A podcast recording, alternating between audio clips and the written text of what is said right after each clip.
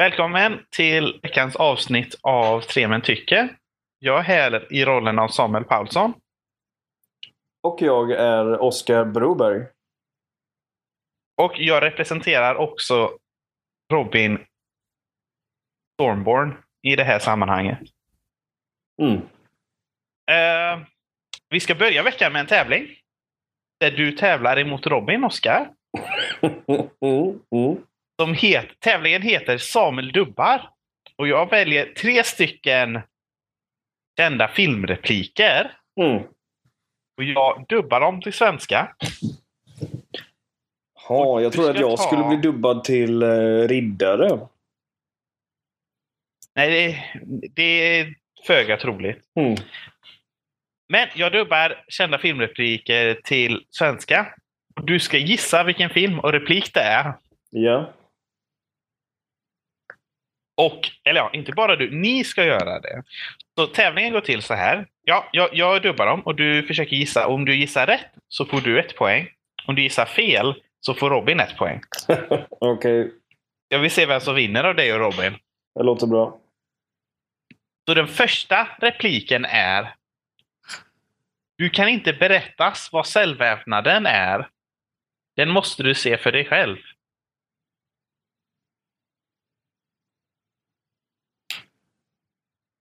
Ah, eh, detta är förstås eh, Morpheus som säger till Neo i Matrix. Eh, eh, exakt hur den går. you cannot say what the Matrix is. You have to see it for yourself. Ja, precis. Ett poäng till. Noll Yes. poäng till Robin. Ja. Nästa mening är Glöm det, Jakob. Det är Kinastaden.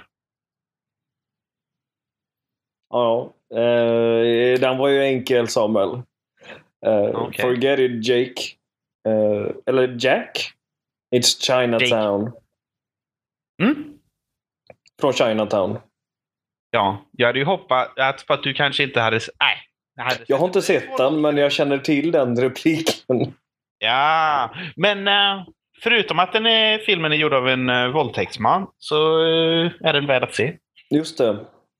Är Men det Polanski då? eh, Jag tror det, ja. Ja. Jag kanske är fel. I så fall ber jag om ursäkt till personen som gjorde det om de inte är en våldtäktsman. Mm. Och den sista repliken är Märta. Märta? Ja. Eh, det är från eh, den berömda scenen där eh, Batman och Supermans man, man mamma, har samma namn. Mm. Och Batman inser att Superman kanske inte är en sån odåga utan en, en person som ja, behöver Batman i sitt liv. Ja, Mm. så är det.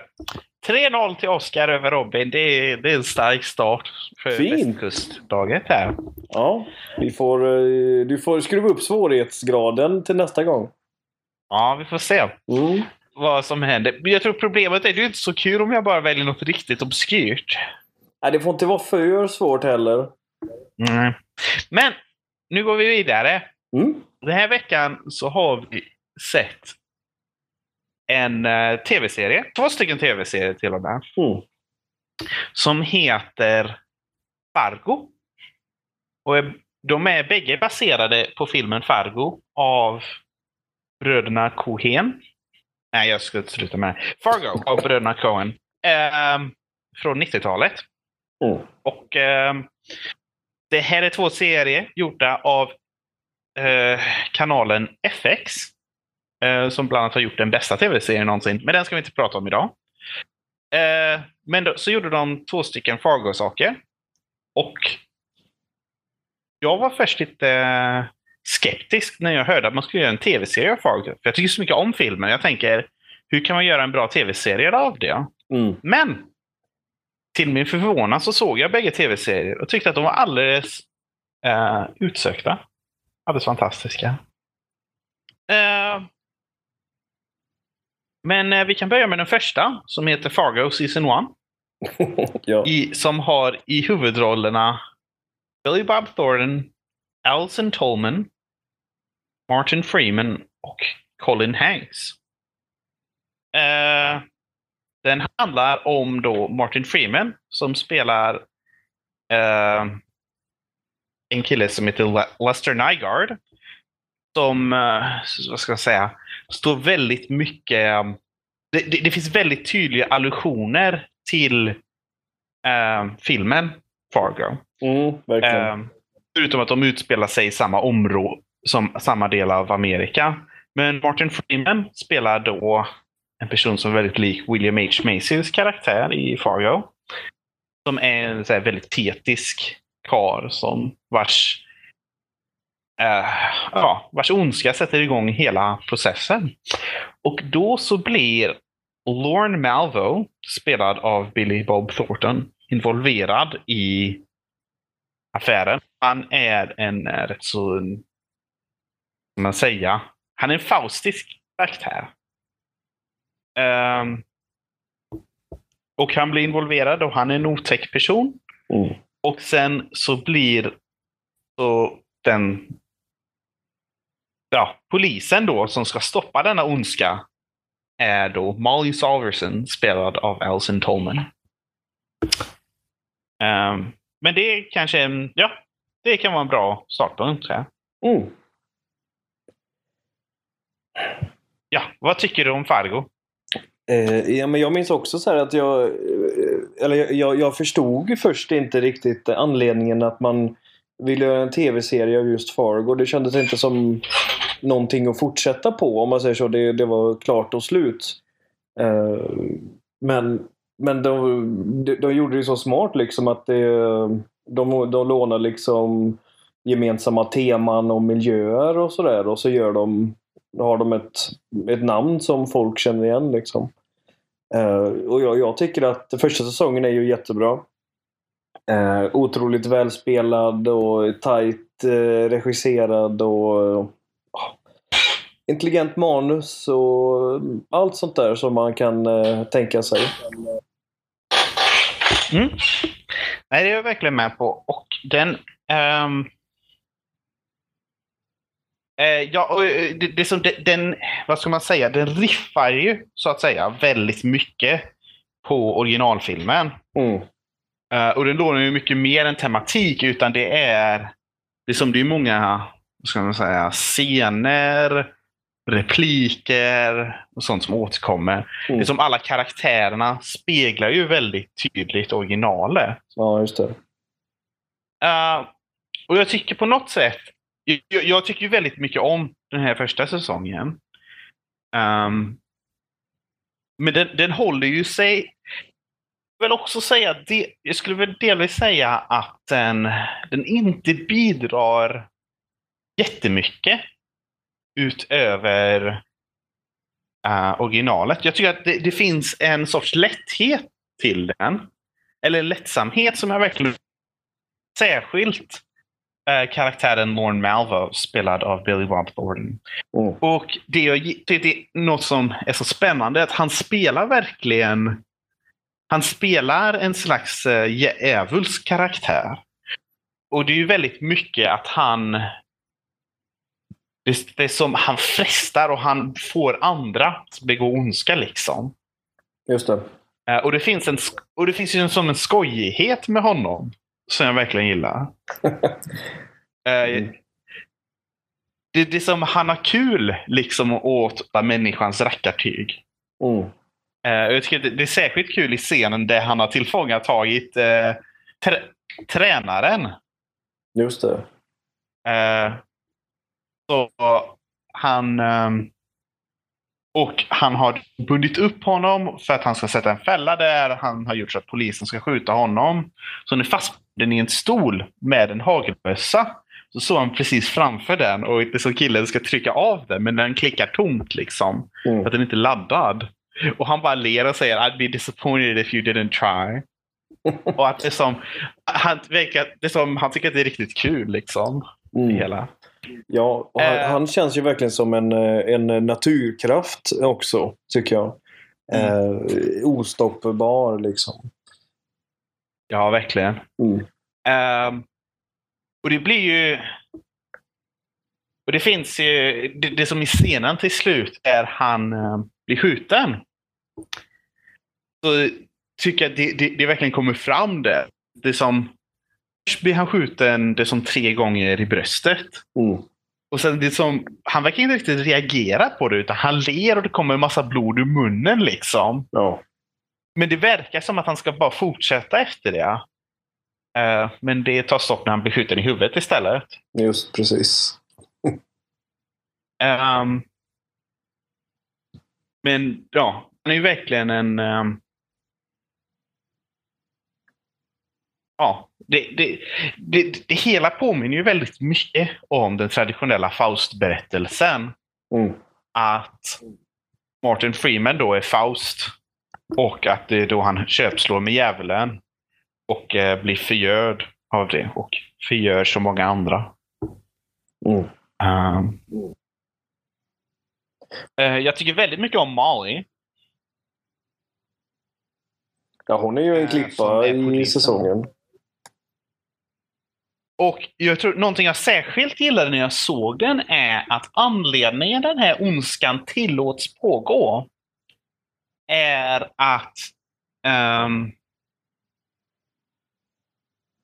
att hennes chef, eh, Bill, heter han Mm. väl, Mm.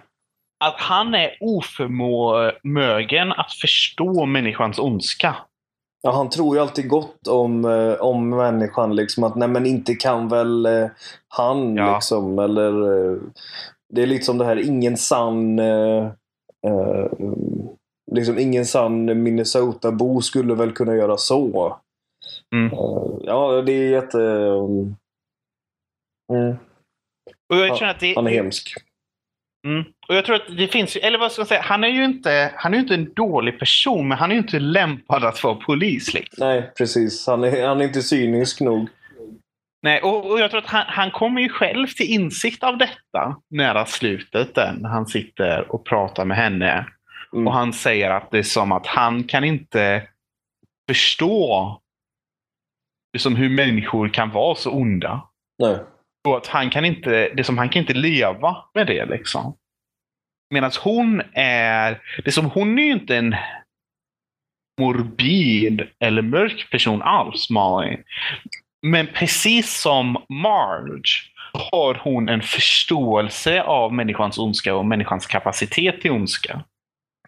Uh, vilket är vad som gör henne så bra på det hon gör liksom. Eh, Hon, hon känns ju verkligen, alltså hon är ju jordnära skulle jag säga. Eh, Mm. Hon ser verkligheten för vad den är liksom. eh, Till den förmåga som, som man kan göra det. Så känns det som att hon hela tiden ser människor för vad de, vad de är och vad de vill liksom snarare än vad hon tycker att de borde vara. Ja, så är det ju verkligen. Mm. Ehm, nej, jag, ja precis. Hon är alldeles extraordinär. Ehm, och, jag, och det på något sätt... Nå, nå, någonting jag kände mig faktiskt lite conflicted. Eller ja. Jag kände mig osäker på vad jag tyckte. Jag känner mig fortfarande osäker om det till viss del är hur serien slutar. Mm. Eh, för, för liksom i filmen Fargo så kommer det med tiden i alla fall att det som att bli rätt så familjecentrerat liksom. I Fargo så det som hon är höggravid under hela dramat. Och sen så har hon hemma sin kar som heter Norm som är rätt så omärkvärdig. Um, och det, det, det, det, det som filmen har ju en kärleksfullhet i skildringen av liksom, det normala familjelivet. Ehm, och jag känner att det har, tv-serien har ju också det. I det här fallet, hennes kar som hon då träffar och eh, gifter sig med under seriens lopp. Han liksom Norm är en rätt så... Han är en så här patetisk men älskvärd figur. Mm. Ehm, men det, det, det slutar ju ändå med att han uh, liksom förfärat vill att hon ska stanna kvar i stationen och inte gå ut för att möta den här demoniska ondskan. Och låta någon annan ta det. Uh, och hon bestämmer sig för det. Men sen så är det han som går och konfronterar honom. Um, och jag tror att det, som, det känns ju logiskt utifrån karaktärerna. Men samtidigt så vet som, jag känner mig väldigt... Jag visste inte riktigt vad jag tyckte om det till slut. Och jag vet fortfarande inte liksom. Nej. Jag tror definitivt att folk hade kunnat, eller att folk kan tolka det eh, som sexistiskt, men jag vet inte riktigt. Jag, jag, tror inte att det är serien som är det i så fall. I så fall är det, finns en viss grad av det hos karaktärerna. Mm. Samtidigt så känner jag att det, deras handlande där är logiskt utifrån karaktärerna. Så det är inte riktigt så jag ser det. Nej, Nej alltså sexistisk skulle jag inte kalla eh, någon av de här, eh, varken säsong 1 eller 2. Eh, det, är, det, det, är alldeles för bra för att vara det, tycker jag. Ja. Så.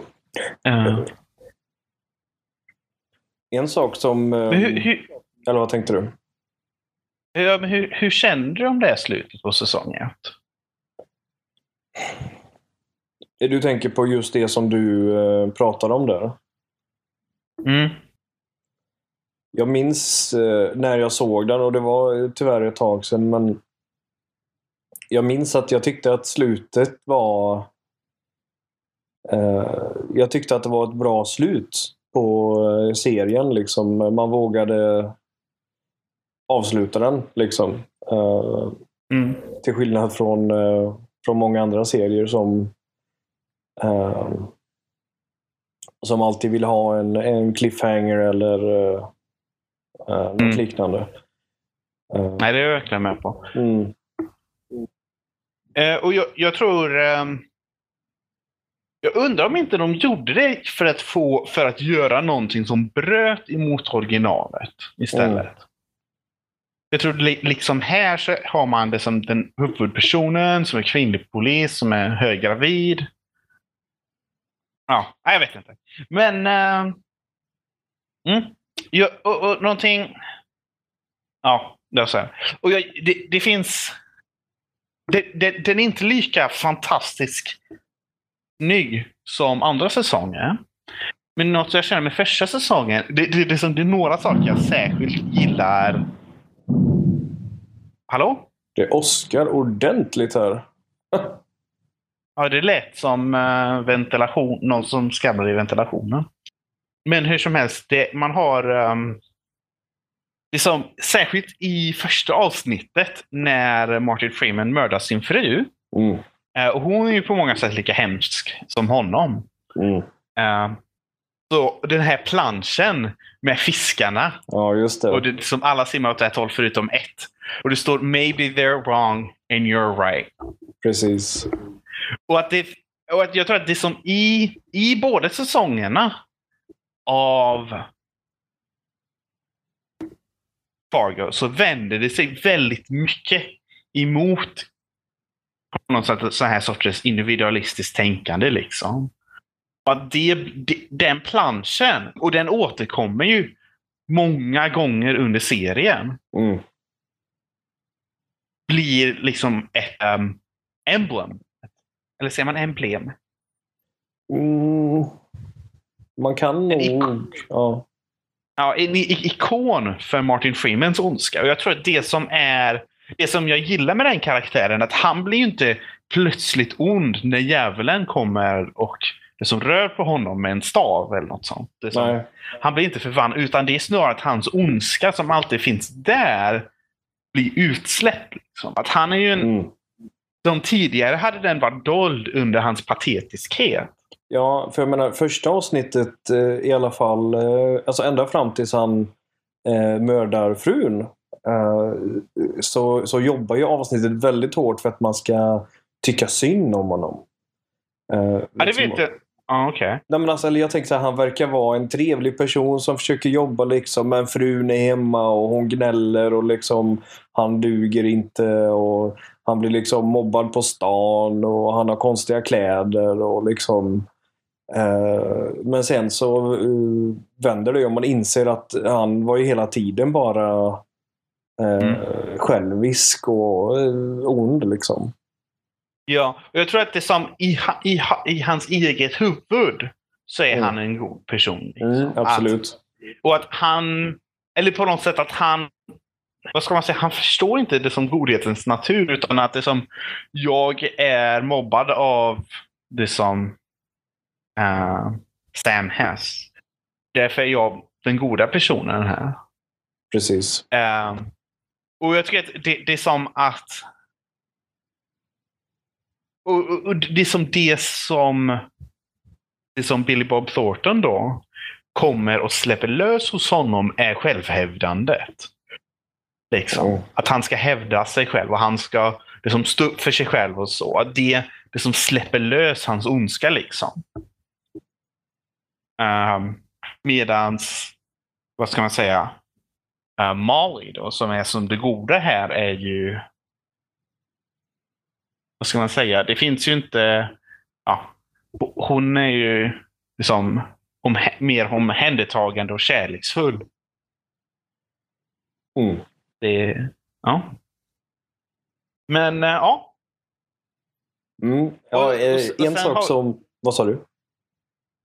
Nej, du tar din. Ja, nej, men jag, en sak som, jag, som ju är genomgående i, eh, i Coens filmer det är ju det här att huvudpersonen blir eh, indragen i någonting som han sen inte har någon makt över. Eh, och, och det tycker jag, eh, eller så här, det ser man ju både i typ Oh Brother och eh, eh, tänkte jag på. Ja. Eh, och, och även i Fargo, liksom att de sätter igång någonting som de har makt över. Men när det väl är igångsatt så är det i rullning och de liksom eh, är fångna i sin egen eh, situation. Eh, Mm. Och jag tycker att det är, det är liksom jag vet inte om det är liksom en vink till Coen-bröderna men det känns ju mycket som att eh, Lester är också eh, något av eh, han, är, han är fångad här liksom efter att han har mördat eh, frun. Nej, så är det. Och jag tror, jag tror en stor del... Jag tror bara det, det som är del av Coenbrödernas det som estetiska storhet är just... Ja, jag tror att det finns mycket i det du säger just att... Eh, det som har karaktär som inte kontrollerar sina egna öden. Mm. Ja just det, även Äh. den Hail Caesar är ju eh, också ett eh, typexempel på det. Ja. Ja. Eller hur, hur, hur tänker du där? Ja, jag, då tänker jag med Clooneys karaktär som ju Ja. Han, blir ju, han är som en pingpongboll i princip och Mm. alla val görs åt honom någonstans. Mm. Jag tror... Och det här är någonting som jag tycker kommer till uttryck. Eh, både här, men ännu mer i säsong två. Mm. Ja. Och vi går snart vidare till säsong två. Att det finns... Vad ska man säga? Alltså det känns konstigt att säga folklighet för bröderna Coen. Men jag tror att det... Alltså jag menar mer i så här folk. Det känns... Det finns något mytiskt över deras berättelser. Liksom, för det mesta så är de ju rätt så realistiska. Men det är som, de, de, de som det, de, de, det uttrycker ju väldigt mycket så här kosmiska sanningar i väldigt grundäventyr. Mm. Um, och jag tycker att det är någonting, jag det, det är en kvalitet som förs vidare på tv-serien. Um, men ja, men vi kan gå vidare Mm, det gör vi. till s- säsong två. Eh, och just det, jag glömde berätta en sak om första stan. Och det är, den utspelar sig framför allt i staden Bemidji. Som har i och med 2010. Befolkning av 13 431.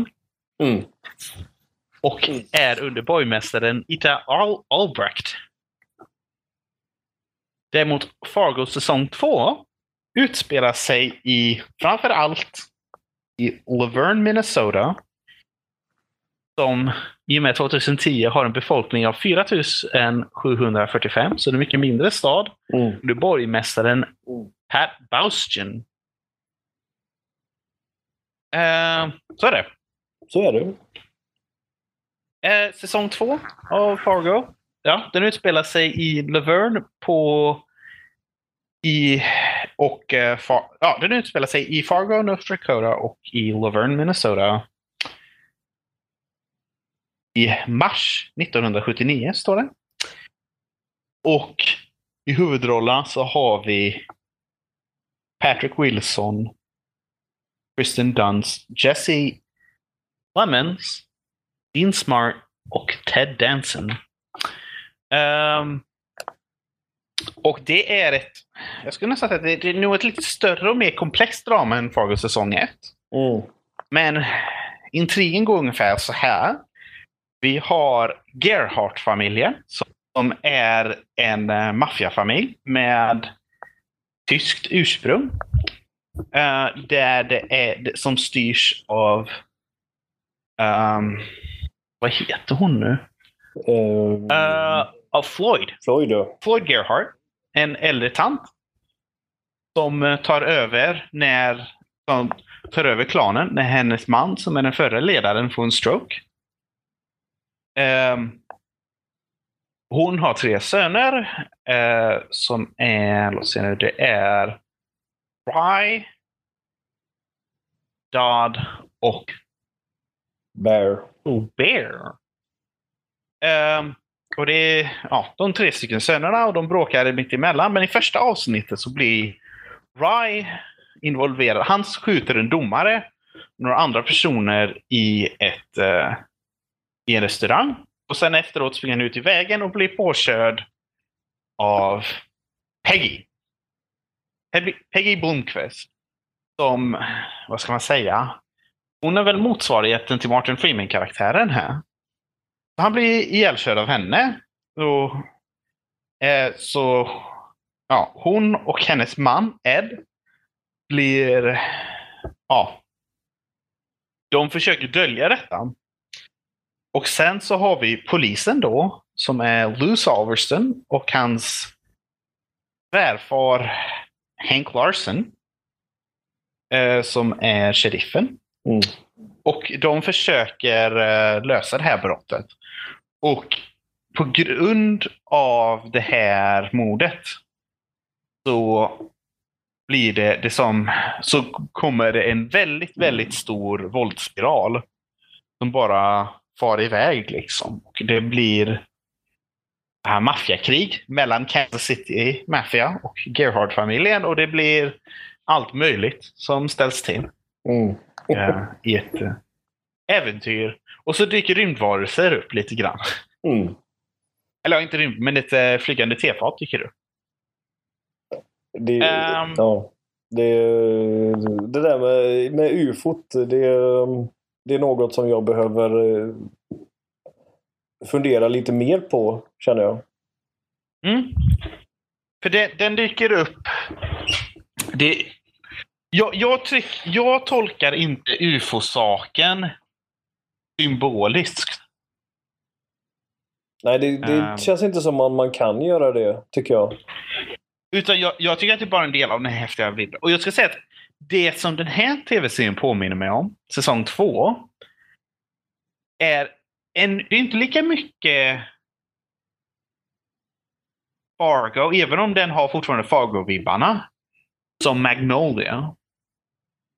Och den är ju, eller vad ska man säga, i sti, eller liksom i tema och i stil och sånt så är den väldigt annorlunda, olik Magnolia. Men det som jag tycker att det, där den är lik Magnolia är att det finns något på samma sätt som i Magnolia görs det så här massa. Det gör massa väldigt häftiga icke-konventionella reaction.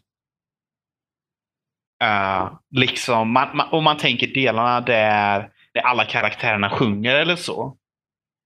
Mm. Um, det, det, det, är som det är något väldigt udda över det och jag känner att Fargo säsong två har väldigt mycket den vibben. Eh, både hur den handskas mellan sina många plotlines och många karaktärer. Det är som man har alla de här scenerna där skärmen är uppdelad mellan olika personer.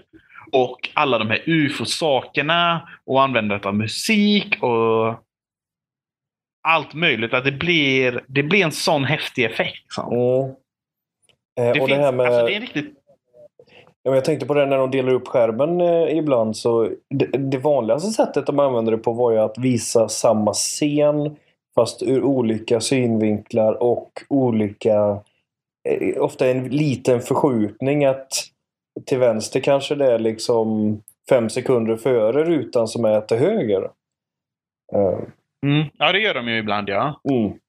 Uh, och, och, det blev också för att då jag kan liksom inte säga exakt varför men det känns som att eh, man får ju en annan känsla för hur scenen är liksom för att man får se den från, eh, från olika håll och liksom eh, ja, nej men det blev en väldigt häftig effekt, det håller jag med om. Jag känner att det, att rymdvarelsen, anledningen jag tar upp det nu är att jag känner att rymdvarelsen är liksom en del av det. Mm. Att de betyder inte någonting. Att det är mer av en stilistisk flourish. Liksom. Att det som, I första avsnittet så har vi ju att när Rice går ut ifrån restaurangen så stirrar han upp och så ser han ljuset från ett flygande tefat. Och vi, det som, man får ju direkt flygande tefatsvibbar. Men det, är ju, det, som, det skulle kunna vara något annat där. Mm. Men sen senare under serien och särskilt vid den här eh, bensinmacken. Så, eller egentligen vid två bensinmackar. Först är det en rätt så tidigt i serien där Lou tankar och så pratar han med killar. Eller som, så pratar han med några lokalbor där som, det som pratar om rymdvarelser. Mm. Um, och sen så är det vid den andra macken där nere i sjön. Uh, där uh, uh, Hans, där, där Hans igår. Där så finns ju massa det är som planscher och klistermärken och sånt om att det är som om ufon där. Just det. Uh, som det var, de, de är väldigt så här, medvetet placerade. Det är ju meningen att man ska lägga märke till dem. Och sen under den här stora dramatiska slutkonfrontationen så dyker det upp ett ufo. Ja. Och räddar situationen. Är, Ja, och det, det är som, den är helt oambiguös där. Liksom. Ja, de pratar ju till och med om det sen ju. Mm. Det, så, det, finns ju ingen tvivel på att det är ett UFO, liksom, utan det bara är där. Ja. Um, ja, verkligen. Och, och, det blir en så häftig grej, tycker jag. Um. Mm. Mm. Ja, det Jag gillar verkligen Fargo säsong två. Jag tycker att alltså hela eh, det här att han det börjar med att, att, att Peggy kör på uh, Rye. Och eh, hon får panik och han fastnar i vindrutan och hon vet inte vad hon ska göra. Så hon åker hem med honom i vindrutan. Eh, mm. och det blir liksom och så, liksom, hon berättade ju inte till Ed heller. Nej, hon tror att han är död så att hon parkerar i garaget och så går hon hem och lagar middag liksom. Eh, och det blir liksom ett, så här, ett genomgående skämt i alla fall ett par, tre gånger efter det liksom att ja, men vem skulle köra på någon och ta med honom hem? Ja. Det är ju så ologiskt så det kan inte vara så. Eh, och hon använder det ju till och med själv vid något tillfälle liksom att eh, polisen, hon hör att polisen säger bara ah, men eh, vi, vi misstänker att det var någon som, som körde på honom och sen åkte iväg. Och hon bara, men det är ju ologiskt. Varför skulle hon ju ta med honom eh, i bilen? Ja. Eh, liksom, för då har hon själv insett hur konstigt hon agerade liksom. Ja. Men jag tror det, det häftiga med hennes karaktär är ju hur Um, liksom, I början så är hon väldigt konstig. Hon är ju det som William H. Macy-karaktären är i detta. Att Mm. det, det som, hon är någon som är rätt så patetisk, men det är på något sätt att det finns definitivt en ondska där. Även om det är mycket mindre ondska hos henne. Så, men jag tror det, det, den roliga revealen där, och jag tycker att det är en så häftig reveal, är att hon är det är som att hon är helt galen, egentligen, visar det sig. Mm. Eh, att det är som, först så det är som hon är lite lustig, oenaktig karaktär. Men sen det som ser vi att hon det är som total hallucinerar och när hon pratar nonsens. Så att det, det är som, hon pratar egentligen med en hallucination. Just det. Och jag, jag, jag gillar verkligen hur länge det tar för serien att visa detta. För det, det är som, vi får egentligen bara se det tydligt en gång och då är det när hon har tillfångat, har, eh, när den tyska maffian har kommit och invaderat deras hus och hon har tillfångatagit deras ledare och bundit upp honom. Så sitter hon och pratar med en terapeut. Det, det som ser man. Men sen så visar det att hon har inte suttit och pratat med terapeuten. Och det som, hon pratar hela tiden om så här självförverkligande och är liksom väldigt mycket självhjälpsgrejer. Mm. Men sen så visar det sig att det som terapeuten fanns inte utan det är bara det som maffiakillen som hon har tillfångatagit. Och det, det som hon är verkligen helt out there. Uh, och det, det, det blir en sån lustig grej liksom. Verkligen. Och, eh, ja, men, och, och sen efter det, för det märker jag att hon blir ju hon, hon blir ju tokigare och tokigare liksom för att hon, hon börjar tycka det är roligt liksom att de är på rymmen och vi förverkligar oss själva som ett, som ett par nu när vi gör sådana här farliga saker och liksom eh, och hon blir helt eh, absurd till slut. Eh, eh, och det, ja, det, det är verkligen det är skickligt gjort att de eh, väntade så länge på något sätt med att eh, ja, man verkligen öppna, öppna den dörren där. Och jag tror det, det, det som i hennes karaktär, ännu mer än Martin Freemans karaktär, så finns det ju en indictment av amerikansk självhjälpskultur. Mm. Och att det, det är som... Och det, det kommer ju särskilt starkt till uttryck i den sista scenen. Men vi kan, vi kanske, jag tror att vi, vi pratar om den sen. Mm. Uh, när de sitter, eller äh, inte sista scenen, men när de sitter i bilen där. Mm. Han kör den tillbaka och säger... Och hon pratar liksom... Hon, hon, säger alla de här slogans, så både feministiska och självhjälpslogan och sånt. Som, det, det som hon säger dem på ett... Det, det, det som hon rabblar orden, men det verkar inte riktigt finnas någon mening i dem. Och att det som han säger, det som Peggy, people are dead. Mm. Och liksom att, ja. Ja, det, det, det, blir en så, det blir en så effektiv dom över henne liksom. Ja, och, och he, alltså den kontrasten mellan eh, Lou och eh, Peggy är ju också verkligen så här... Eh, eh, för han är ju så otroligt eh, jordnära. En liksom familjeman. Eh, och han, eh, han berättar liksom om sina upplevelser i kriget och eh, eh, och sådär. Medans, medans hon drabblar sin eh, eh, sin nonsens liksom. Och han hon, hon vill till och med sitta i fängelse i Kalifornien för att liksom Ja, jag tycker att Kalifornien är fint. kunna förverkliga sig själv där liksom, Ja, och, och, ja, precis. i det amerikanska fängelsesystemet. Jag, jag tror inte det finns så jättemycket självförverkligelse eh, där. Ja. Så, det, det som tekniskt sett så tänker jag, jag är inte riktigt säker vad hon har begått för brott egentligen. Alltså det, det jag tänker att det, är- det är många eh, brott som kommer att eh, när de läggs ihop kommer det ju bli ganska så rejäl straff.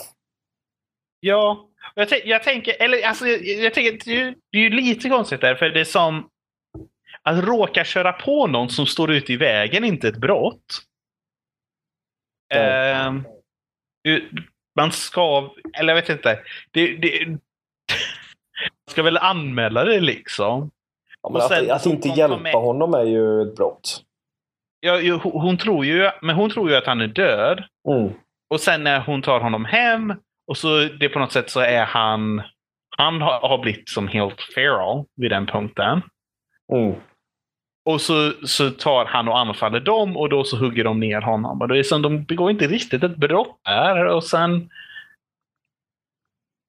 Eller så jag vet inte, jag antar liksom att man ska anmäla sådana här saker. Men... Man ska inte måla ner honom till köttfärs i alla fall. Nej, det, det, det är ju inte okej. Det- Och hon är väl accomplish, accomplice. Och sen kidnappad och eh, Dodd. Även om Ja. det var i liksom självförsvar så borde de inte tagit honom ut i skogen och gett honom Ja, elstötar. och- och- Liksom. Hon hugger honom med kniven. Ja, I bröstet så jag bara stoppar in det. ja, Och han liksom, vad håller du på med? Vad gör och, du? och det är så omärkvärdigt för henne. Utan det är som, hon uppfostrar honom som om han vore lite pojke där. Precis. Han, han uppförde sig inte. honom. Ehm, jag tror att det som i det så är, och det och andra saker så är det lite mindre verkligt än säsong ett. Mm. Men eh, jag känner, det är ju inte det minsta en brist. Liksom. Nej. Utan det är, det är lite mer den, den tonen de är efter. Ja, Ehm, det tror jag. Och ehm, jag gillar verkligen det som uh, Hansi, har man då indianen, som är som ska spela det som den här demoniska karaktären. Eh, och, och någonting jag gillar med det är att det kommer egentligen, det som många andra saker, är någonting som avslöjas efterhand liksom. Mm. Jag tror det är som Billy Bob Thornton när vi ser honom. Det är, det är väldigt mycket det här, okej, det här är den onda karaktären. liksom. Det här är, det, här, det här är den fullständigt onda karaktären. Mm. Ehm, och det finns överlag mycket mer ondska i säsong två. Jag känner att den, den håller ju sig mycket, den är ju inte lika, den är ju långt, den är ju, vad ska man säga, det är inte lika mycket samma berättelse som tv-serien är. Eller som eh, första tv-serien är. Nej, det är, det är mycket större konflikt också. Ja. Eh, och det, det är som det är överlag, det är en väldigt annorlunda berättelse. Mm. Ehm, men jag gillar verkligen hans. Jag vill, det är som hur han är, det är som, han är ju både cool och ond. På, inte på samma sätt som Billy Bob Thornton är cool och ond. På ett annat sätt. Men precis lika effektiv. Det är som Mm. han, Billy Bob Thornton pratar alldeles för mycket. Medan Hans inte pratar alls nästan. Mm. Eh, men att det på något sätt han är... Ja, Jag gillar inte den här termen, men han är så mycket av en badass. Liksom. Ja, Eh. men till skillnad från, från Billy Bob så är han ju också... Han, han, han försöker ju sluta vid ett tillfälle. Eh, när han säger till Peggy Klipp mitt hår. Du är väl frisör? Klipp mitt hår. till Det ska se proffsigt ut. Jag vill göra något annat med mitt liv. Eh, Ja, jag vet inte. Ja. Men hon förråder ju honom och hugger honom i ryggen med, med saxen istället. Ja, jag vet inte riktigt om det är så jag tolkar den scenen. Hon- Ja, alltså hon gör ju det. Eller som när de kommer in där och skjuter. Eh, så tar hon ju och eh, hugger honom. Jag tror ändå, vad ska man säga? Jag vet inte riktigt varför han ville det. Jag känner delvis med Hansi att han är en, han är en oerhört enigmatisk karaktär på ett sätt som Billy Bob Thornton inte är. mm, Ehm, och jag tycker att han, han blir effektiv i det. Och det har de, de har ju Martin Freeman som är narratorn. mm, precis. Det är i, i, jag tror att det är avsnitt nio. Så är det, så läser, är det som läser han ur en bok om som brott i mellanvästern. Just det. Ehm, och, och han läser så bra och då, då pratar han ju med sin egna blickaröst. Ehm, inte som, som ja, hans amerikanska mellanvästern-dialekt. Um, så jag, jag tycker det är riktigt kul att de har honom med där. Mm. Och då, det, det, det är som lust hur de spekulerar om han. Så jag känner att man behöver inte riktigt veta varför, utan han är nästan... Den här tv-serien är ju mycket mer starkt grundad i sin samtida Amerika än vad eh, Fargo säsong 1 är. Eller egentligen både, Fargo, både filmen och eh, första tv-serien Fargo. Och det här handlar ju väldigt mycket om 70-talet. Och det som man har Jimmy Carter och Ronald Reagan som är presidentkandidat. Och jag älskar Ronald Reagan i Fargo. Mm. Ja. Ehm, man har oljekrisen. Man har känslan av att landet håller på att falla sönder. liksom. Man har eftereffekterna av Vietnam. Man har så mycket där. liksom. Mm. Ehm, och det blir... Det, som det, det, det är något riktigt häftigt med det. Och jag känner att Hansi på något sätt blir ett uttryck för kaoset i Amerika. Mm. I, under den här tiden. Om du ser vad jag menar. Jag vet inte riktigt. Hur uh, tänker du? Äh, Just att det som han... Jag känner, för, för mig grejen är inte riktigt det specifika varför han gör, varför han gör något det som det ena eller det andra. Utan att han är... Jag kan inte uttrycka för det i Amerika, men han, han är liksom uttrycket för kaoset och ondskan i hela, som hela det här Gerhardt-konflikten. Och att det som det kokar över hos honom. Att det som han gör så att allting går bara överstyr. Att det som vi har haft den här konflikten som har bryggt. Och han det som liksom tar och push it over the edge. Ja, till slut gör han ju det. Ja. det precis, det har du rätt i. Uh, där är han ju verkligen uh, en agent för kaos. Känner, det, det, han, är ju en, han är ju nästan en mer abstrakt ondska än Lauren Malvo. Mm. Uh, och särskilt i det här fantastiska, fantastiska... Eller det finns ju två uh, fantastiska scener med um, Be Betsy i det sista avsnittet. Mm. Uh, och i den ena av dem när hon har drömmen av den här framtiden. men plötsligt så det som inträder den demoniska makten. Uh, och det, det, är ju en sån häftig grej där. Liksom. Mm. Och sen hur det går vidare så spelar de War Pigs medan det som den här jakten pågår. Och det är ju hur snyggt som helst. Och jag känner att det, det är kanske där som seriens fantastiska stilighet kommer till starkast uttryck. Mm. Och sen det som hur den scenen rullas ner med att de kommer in där i bilen så har de liksom Warpigs på radion. Ja. Uh, det är så häftigt liksom. Och jag måste, eller så här. Eh, det, det, här känns verkligen som att det, vi är inne i en guldålder för bra TV. Mm. Eh, det är helt osannolikt hur, hur många serier sen, ja, men sen 2000 eller någonting som har kommit och som har varit eh, för det mesta väldigt mycket bättre än det vi ser på mainstream film. Eh, tycker jag i alla fall.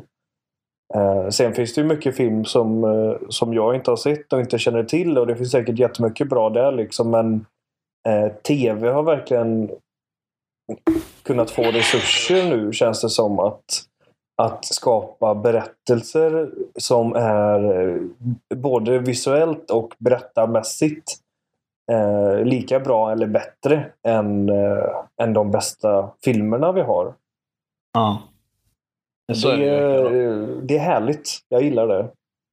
Mm. Jag känner både säsong två av Fargo och även The Americans. Mm. Det som hade de... De hade ju definitivt varit bland mina favoritfilmer eller nu är det, det, det, det, som jag rankar dem upp där med mina favoritfilmer av de senaste ja. åren. Ja, men och det är just med, med Fargo, det är en sån, det är ju tio avsnitt och på många sätt känns det ju som en tio timmar lång film. För att så tajt eh, tycker jag att eh, framförallt säsong två är liksom. Mm. Det är det verkligen. Um, en, uh, Eh, vi kan eh, prata om uh, Soversons tycker jag. Ja, vilken familj. För jag blev... Jag insåg det inte till sista avsnittet. Kopplingen. För en av de häftiga sakerna, lore, det som lore-mässigt så finns det nästan bara en koppling mellan först Fargo säsong 1 och filmen Fargo. Och det är ju pengarna som blir begravda vid vägkanten. Just det. Medans kopplingen mellan säsong 2 och 1 är ju egentligen i det som man, är, det, är att det är ju samma det är en annan generation av samma familj som det handlar om. Mm, jag precis. insåg det inte förrän sista avsnittet att det låg till så. Nej, det gjorde inte jag heller. jag kände mig lite trög när jag kom på det. Uh, och det är, en sån, det är en sån häftig reveal där. Och det, det är som... Det är som man tänker inte på att som i säsong ett så har man Molly som har förlorat har sin pappa som hade varit polis och som varit med i kriget. Och så har hon förlorat sin mamma till cancer. Mm. Heter de samma saker? Um,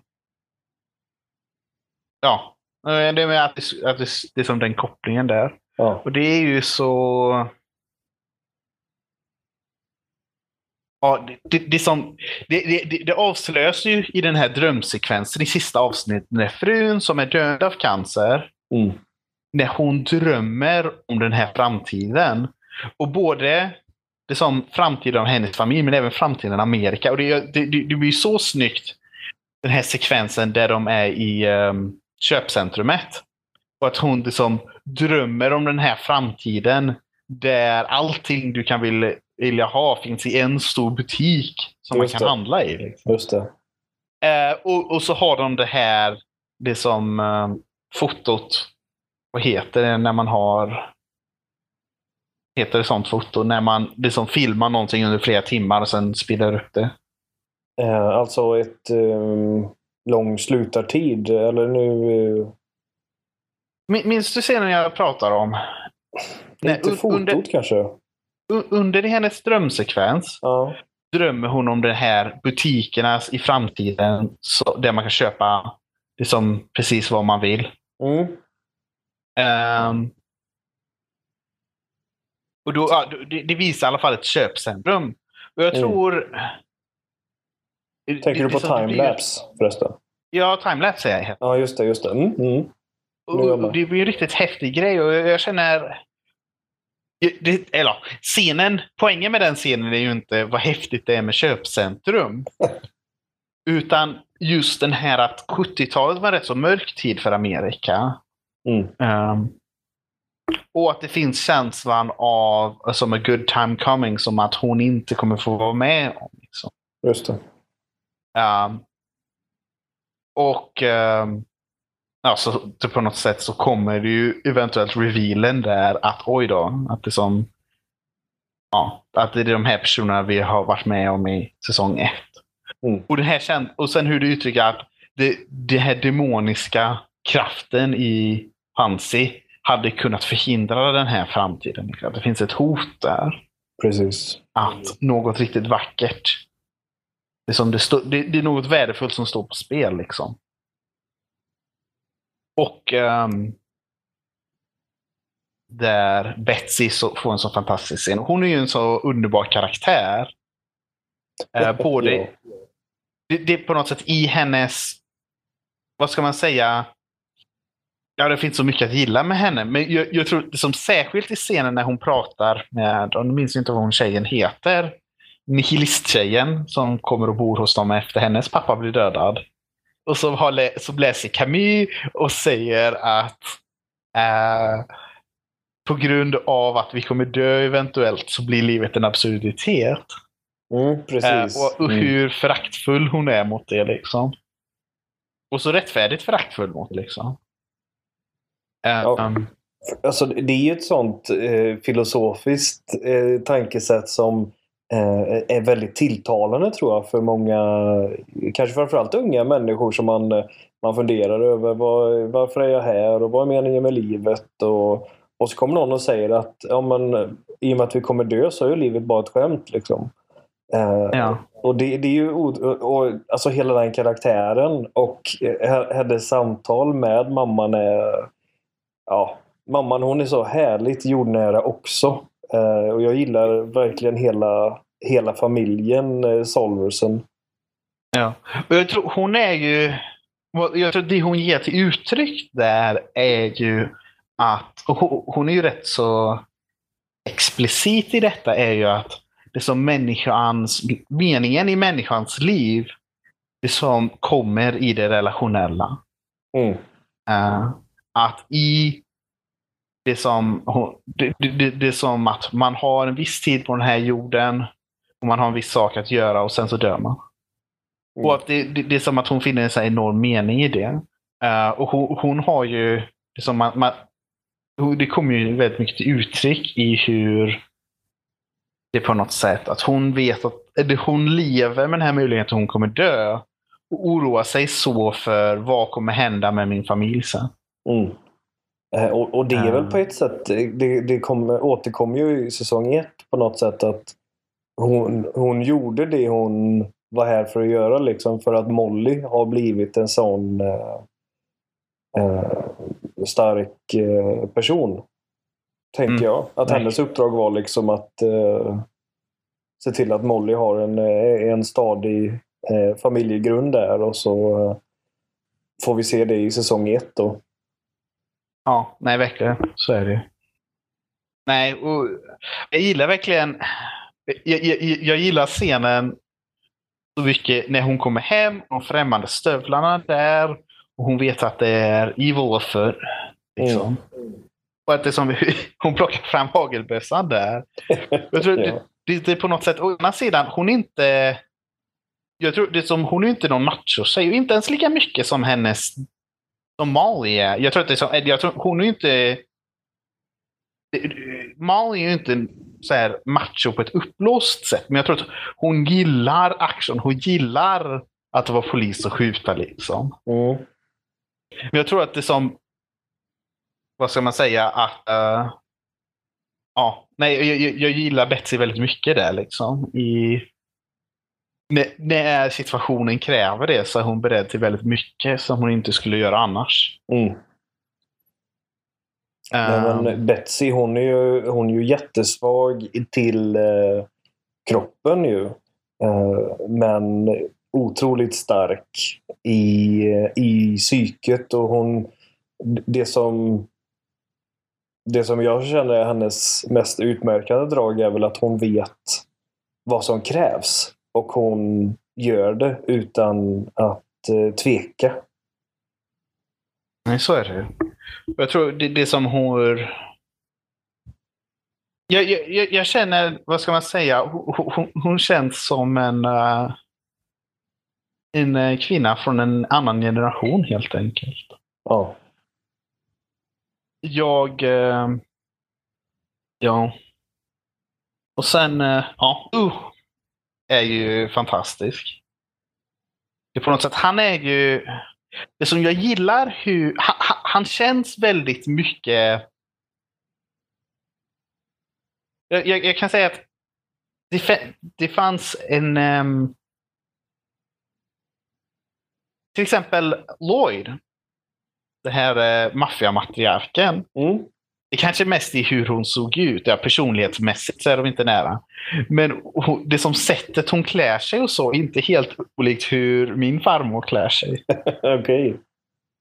Um, visserligen är Lloyd någon, någon generation innan min farmor. Men, och min farmor har inte några maffiatendenser riktigt. Ehm, och, jag tänk, och jag gillar så mycket där hur... Eller vad, vad, ska man säga? Jag skulle säga att fi, filmen på ett sätt är ju väldigt feministiskt medveten. Det finns ju en Mm. hel del karaktärer som pratar rätt så explicit om det. Men Ja. de pratar ju inte med seriens röst om det heller. Eller jag tror ibland, eller ibland jag tänker det är som när Lloyd pratar, det är som när hon um, tillrättavisar Dad i början. Och ehm, det som säger att det som du kommer sitta vid mitt bord och äta. Ja. Det, som, det blir väldigt starkt där liksom. Som sen har vi både Peggy och, nu minns jag inte vad hon heter, men Dads dotter. Mm, precis. Eh, det som bägge de pratar ju med rätt så mycket av en feministisk röst, men de är ju också rätt så förfärliga som personer. Ja, Så det verkligen. blir- Simone. Ja. Ja, så är det ja. Mm. Men, men, ja, det finns ju en sån rikhet i alla de här karaktärsporträtten. Så många bra karaktärer. Eh, och jag tror att sen jag gillar, och nu minns jag inte, är det Hank som svärfaren är- heter? Eh, ja, Hank heter han. Hank Larson. Han är, det, som, han påminner mig rätt så mycket om eh, min farfar. Ja. Nej, morfar påminner han om. Eh, som, eller på något sätt i...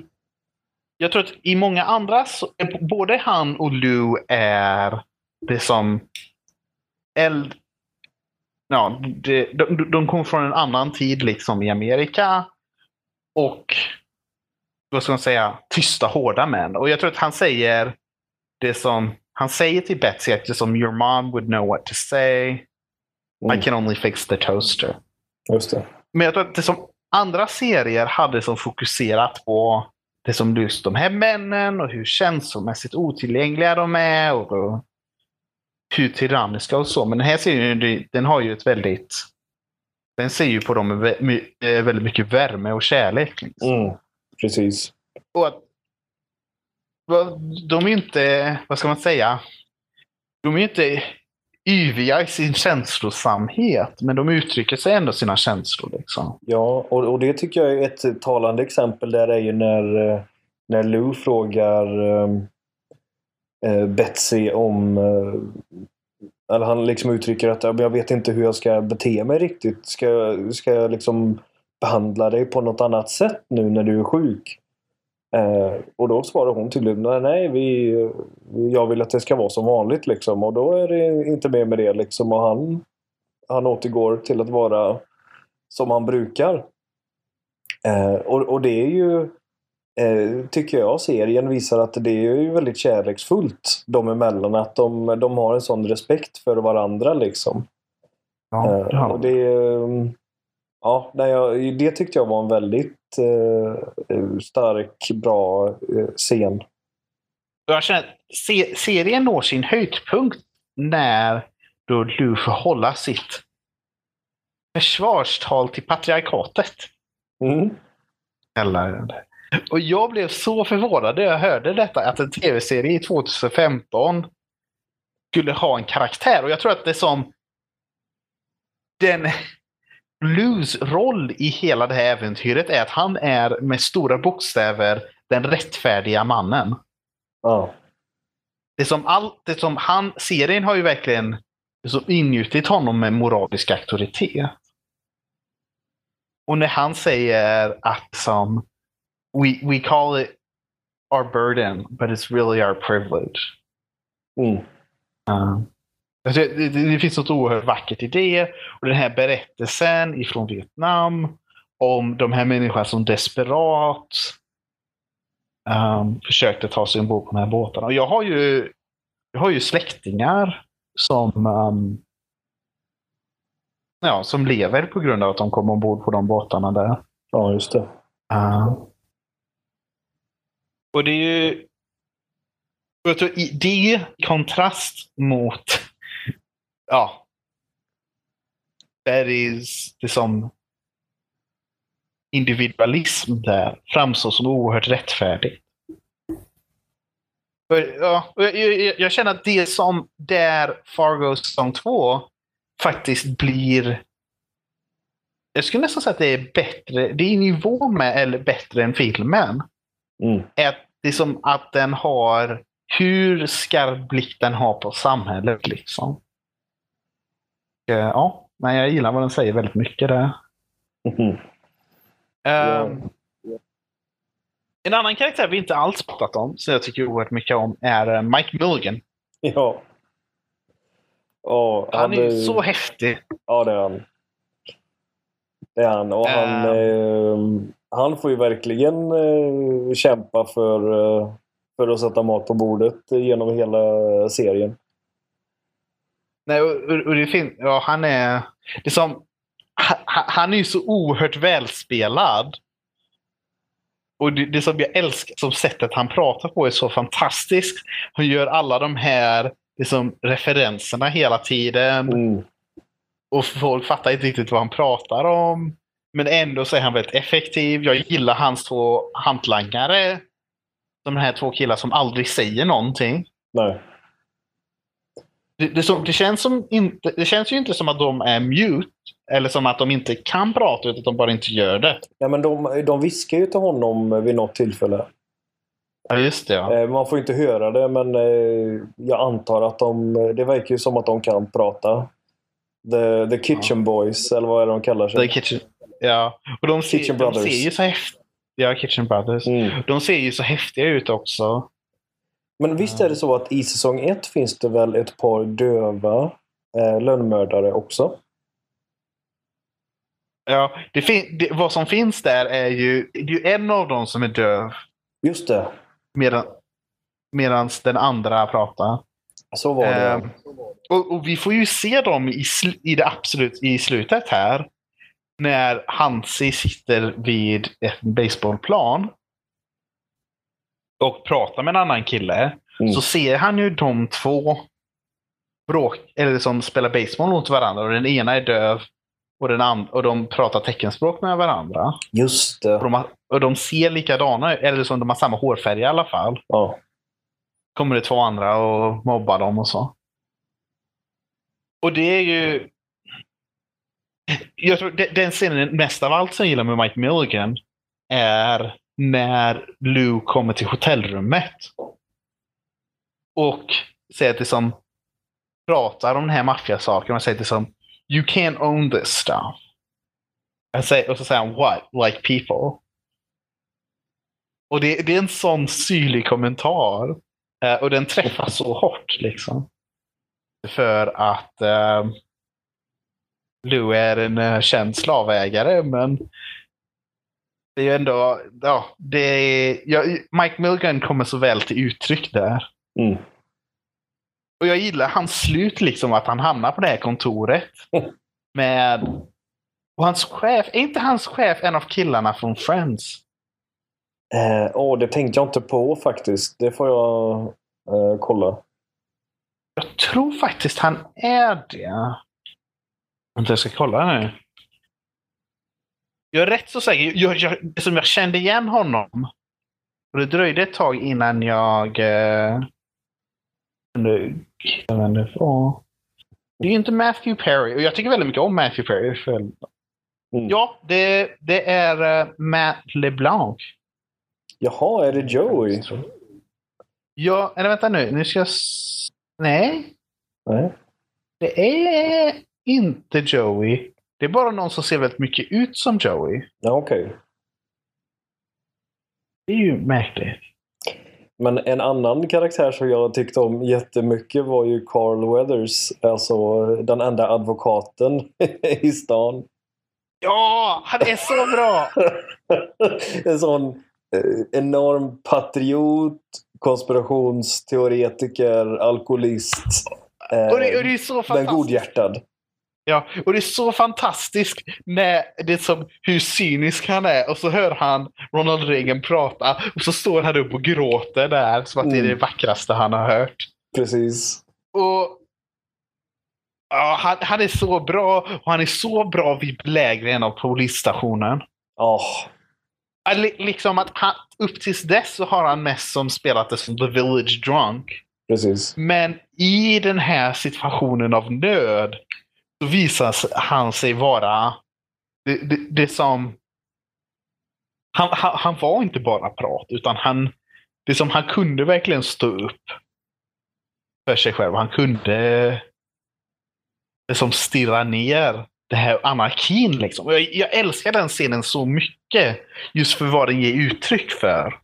Mm. Mot att det här är det, det, som, det blir ju det är ju väldigt mycket en western-scen. Och mycket westerns handlar ju om spänningen av det som den kommande civilisationen. Ja, just det. Och här är det ju verkligen att det på något sätt är anarkins krafter som står utanför. Och det är som polisen som det är som, som ska hålla fast vid civilisationen. Och det som de andra poliserna, de är ju inte, ingen av dem är ju som Lou. Man ser att det, som, det här är bara bondpojkar som aldrig riktigt skjutit mot någon. Liksom. Mm. Eh, och, och, och, det finns ju ingen det som öh, vad dåliga och svaga de är, utan det är bara det som han har varit med i kriget, han har mött det är på något sätt, han är en riktig krigare på ett sätt de andra inte De andra är small town cops som liksom hjälper ner katter ur träd liksom.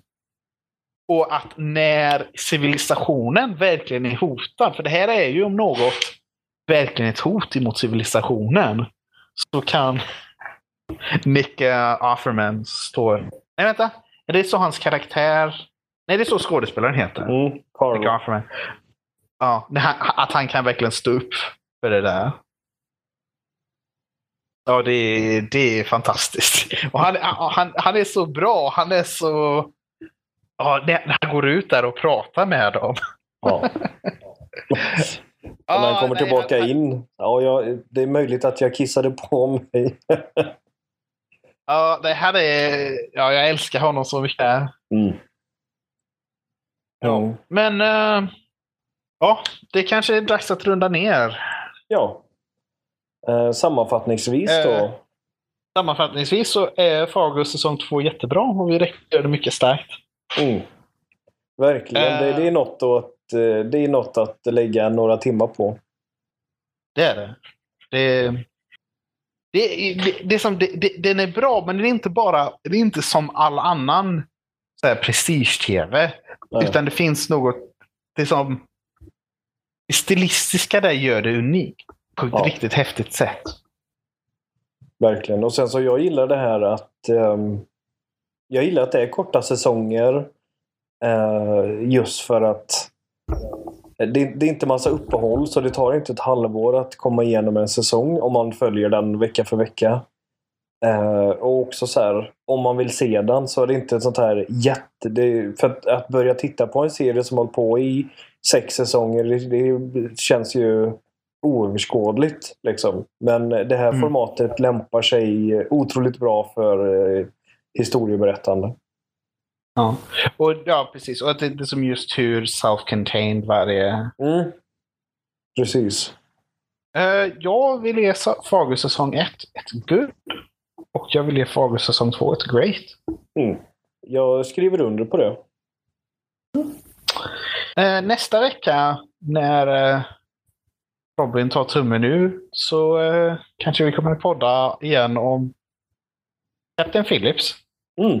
Eller om det nu är Captain Phillips eller om det handlar om någon, eh, någon annan version av eh, Captain Phillips. Och då ska vi se på Star Trek istället. Nej, jag tänkte mest på att eh, det har ju kommit fram i efterhand att han var ju kanske inte någon, någon stor hjälte. Det finns eh, tolkningar går isär om det helt. Ja, precis. Eh, Men vi ska det se är ju- om karaktären Captain Phillips. Mm, det, det behöver inte förminska filmen om den inte skulle eh, stämma överens med verkligheten. Nej, eh, det, det, det håller jag med om. Men eh, det kan vi prata om nästa vecka. Det gör vi. Hej då, lyssnare. Ja. Hej då från eh, två män tycker. Det. Tre män Robin tycker också saker. Robin, han, men han var ingen vidare på din tävling. Nej, det var han inte. Han får öva till nästa vecka. Ja, hej hej! Hej hej!